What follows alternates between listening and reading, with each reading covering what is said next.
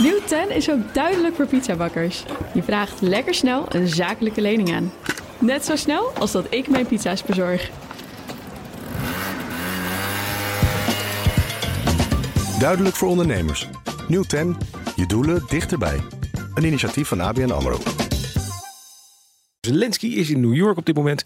Sprak gisteren de Algemene Vergadering van de Verenigde Naties toe. Gaan we het ook nog even over hebben. Uh, zoekt vandaag ook nog militaire steun in het Huis van Afgevaardigden. Het moet daar langs meneer Kevin McCarthy, de majority leader. De man die de Republikeinse Partij leidt. En die misschien gezegd heeft, nou, ik, ik weet niet of ik hem moet ontmoeten. Uh, maar ondertussen heeft Polen aangegeven dat ze stoppen met leveren van wapen, wapens aan Oekraïne. Omdat ze balen van het feit dat de Oekraïners daar graan doorheen voeren. Wat daar ook blijft plakken. En dat is slecht voor de boeren in Polen. Nou, Geert-Jan, waar zullen we eerst naartoe gaan? Eerst even naar Oekraïne zelf vannacht. Wat is er gebeurd op het, aan het front? Ja, eigenlijk loopt de nacht daar nog door, ook al is het een uur later. Maar dan heb ik het puur over de luchtaanvallen die eigenlijk nu uh, over het hele, hele grote land daar plaatsvinden. Uh, onder andere ook in de hoofdstad Kiev, waar ook gewonden worden gemeld. Waar uh, branden zijn. Er zijn ook gaspijpleidingen in Oekraïne geraakt. Dus mm. dan zou je ook denken, begint nu weer de periode van Russische aanvallen op de energieinfrastructuur. een precies overzicht is er nog niet, omdat er dus nog aanvallen doorgaan. En ik ook mm. continu weer luchtalarm-appjes binnenkrijg. Dus het is daar bal. Ja, uh, nou, daar gaan we het zo nog even over hebben. Maar eventjes terug naar gisteren hè, bij de Verenigde Naties.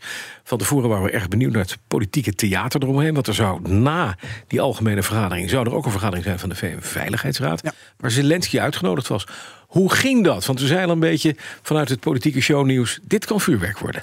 Ja, ik hoorde inderdaad uh, jij en Bernard Hammelburg vanuit Amerika over uh, de showdown mogelijk ja. tussen Lavrov en Zelensky. Precies.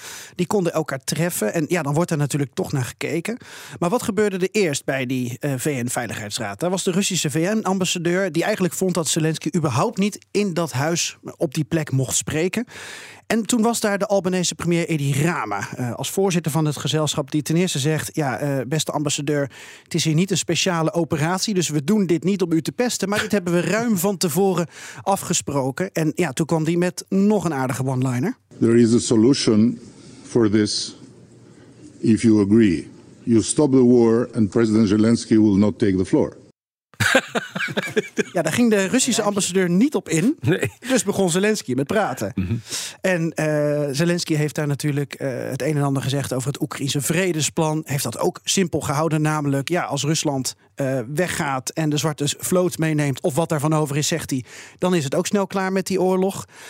En vervolgens is hij zelf weggegaan, zodat mm -hmm. hij Lavrov niet hoefde aan te horen. Tja.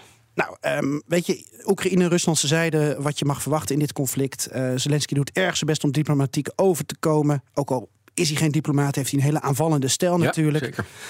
Maar laten we eerlijk zijn, uh, verandert dit nou iets in uh, de VN, eerste algemene vergadering, nu de Veiligheidsraad? Waarschijnlijk niet. Je hebt een hele zwik landen die heeft gezegd: wij veroordelen de Russische invasie.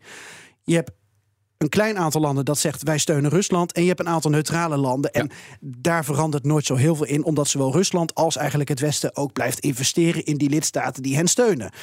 Hm. Dan denk je, ja, dat bezoek van Zelensky aan Biden, uh, dat wordt misschien dan wel het belangrijkste ja. uh, aan het congres, aan de, aan de Senaat. Want het voortbestaan van Oekraïne, dat staat toch onder druk als de Amerikaanse steun verdwijnt.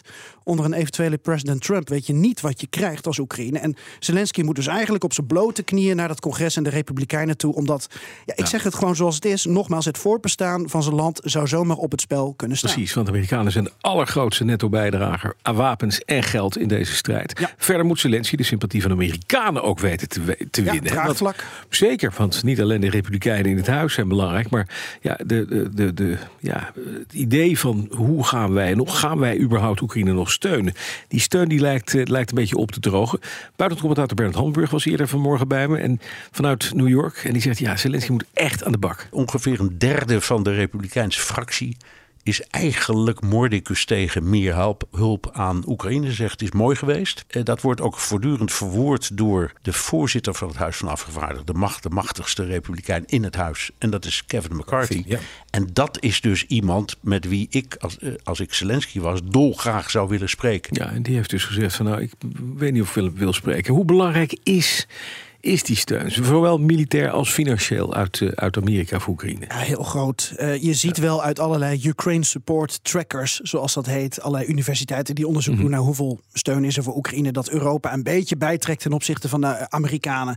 Maar het is nog altijd uh, ongelooflijk groot en veel wat die Amerikanen aan Oekraïne leveren, zowel militair als humanitair als financieel. Ja, het is nogal wat. Hè?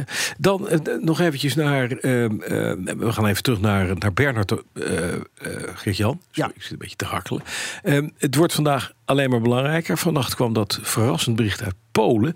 Die willen stoppen met wapenleveranties. Nou, zegt Bernard, dat is niet zo handig van ze, wat ze nu, nu voor aankondigen. Het gevaar van wat de Polen nu doen uit woede om die graankwestie is dat ze, denk ik, een psychologische fout maken. Omdat ja, zij zijn zo een beetje de meest anti-Russische Europeanen die er zijn. En door dit soort dingen te doen, speel je natuurlijk Poetin uh, in, in, in de kaart. Daarmee speelt Poetin de Europeanen uit elkaar. En dat is dan de schuld van de Polen in dit geval. Dus het is niet handig wat ze doen. Ik denk ook eerlijk gezegd dat het wel weer wordt gladgestreken. Maar ja, dat moeten we even zien. Ja, en er zijn verkiezingen op komst. Maar Rivjeki zei trouwens dit. En zijn vicepremier die zei iets totaal anders, geloof ik. Maar wat is er nou precies aan de hand? Hoe moeten we dit nou lezen? Is dit een intern Pools dingetje wat eigenlijk jammer genoeg uh, vertaald is en de grens over is gegaan? Of uh, hoe zien we dit? Nou, ten eerste, we hoorden aan het begin van de uitzending die toeter. Zelensky vindt de Poolse premier een droeftoeter. Ja, op basis van alles wat er nu uh, gebeurt. En inderdaad, het is meer een verkiezings, nou, verkiezingsgebral, noem ik het maar even. Ja, ja. Dan dat het echt alleen maar met die graandeal bezighoudt. Ja. Um, en dat is ook best gevaarlijk, want er is in Polen ontzettend veel draagvlak voor steun aan Oekraïne. Je hoort wel wat gemor zo nu en dan over alle voorzieningen en faciliteiten waar Oekraïners met korting of gratis in Polen Ja, ja. dan gebruik van kunnen maken. En dat is waar regeringspartij PiS, recht en rechtvaardigheid, op inspeelt. Omdat ze hopen genoeg stemmen te winnen bij die verkiezingen over drie weken. Ze willen toch een ander verhaal laten horen dan de oppositie. Ja, precies. Maar dat is best gevaarlijk. Dit is een Ja. vrij gevaarlijke opstelling. Inderdaad, wat Bernard ook zegt. Ja, op het moment dat je dit eh, verkeerd speelt, Poetin kan dit uitspinnen en zeggen: kijk, er is verdeeldheid in Europa over de strijd die wij daar voeren in Oekraïne. Nou, en als. eh, kijk, Amerika en Polen zijn ook de beste vrienden van elkaar. Ja, dus als grote Biden- NAVO-landen. Ja, als Biden zegt, ja, eh, beste Polen, dit is niet eh, zo leuk wat jullie doen. Dan vinden de Poolse burgers dat ook niet fijn. Want Nee. die vinden Amerikanen geweldig. En die willen dat dat de belangrijkste bondgenoot is. Dus er kunnen hier allerlei emoties loskomen. Aan de andere kant, wat Bernard ook zegt. Het zou zomaar kunnen dat dit voor de verkiezingen over drie weken alweer eh, losloopt. Omdat je hebt een premier in Polen, maar je hebt ook een president. En die zou zomaar kunnen zeggen, nou dan ben ik wel de good cop. En eh, jongens, we hebben het opgelost met Oekraïne. Maar voor de beeldvorming, voor de Polen die tv kijken... hebben we we in ieder geval aangegeven... wij komen op voor de Polen en Ja. niet voor de Oekraïners. Ja, nu is het wel een beetje het verhaal. Zelensky heeft een dubbel probleem. Hij moet en steun zien te winnen in Amerika vandaag. En hij krijgt dit, dit Poolse eh, verhaal. Je zei het al, het is geen diplomaat. Het is een man die aanvallend regeert. Kan je misschien ook zeggen, dit is in de hand een beetje overspeeld af en toe... door heel erg te hameren op steun mij, help mij, want... M- misschien een klein beetje, omdat Ja. hij wel messcherp is in zijn uitspraak en er bovenop zit. Ja. Soms tot op het arrogante af. En daar heeft hij natuurlijk heel veel mee bereikt. En, Mhm. en zijn land misschien ook wel mee gered. Als in van dat Oekraïne nog steeds bestaat. Ja, Maar je zou ook kunnen denken, af en toe is dat effect een beetje uitgewerkt en komt het als een boemerang bij hem terug. Mhm. Maar goed, als we er objectief naar kijken, dan, dan heeft hij vaak wel gelijk in wat hij zegt. Ja. Hm. Dus wat doet Oekraïne nu vanwege die graandeal die de Polen op het spel zetten? Eh, Oekraïne zegt, we stappen naar de WTO, de Wereldhandelsorganisatie. Want Polen, eh, eh, wat Polen doet, is in strijd met allerlei handelsregels. En dat klopt ook. Polen houdt zich niet aan handelsregels, aan EU-regels. Ik sprak vorige week nog Poolse eh, voormalig minister van Buitenlandse Zaken, Sikorski. Ja, precies. En die zegt, ja, als Polen gewoon de corruptie in eigen land rondom dat graan tegengaat... en die containers met graan verzegelt, zodat ze in één keer naar de Oostzee gaan... Niks aan het handje. Niks, niks geen aan de last voor de boeren. geen Nee. verstoring van de markt. En Ja. ja. weet je, nu heeft Polen een stok gekregen om mee te slaan... Hm. Ehm, nou, die verkiezingen, Bas, eh, we gaan er nog over spreken de komende weken... want het is heel Amerikaans, het is schandaal op schandaal... Dus wij moeten maar ons best doen om dan dat te filteren en ervoor te zorgen dat, ehm, ehm, ja, dat we het ware verhaal daarover vertellen. Hoe ingewikkeld het ook is in relatie tot Oekraïne. Precies. Maar we- dat lukt ons al 25 jaar en jou niet in het minst, Geert-Jan Haan. Dank voor al die jaren, Bas. Dankjewel. Nieuw 10 is ook duidelijk voor pizzabakkers. Je vraagt lekker snel een zakelijke lening aan. Net zo snel als dat ik mijn pizza's bezorg.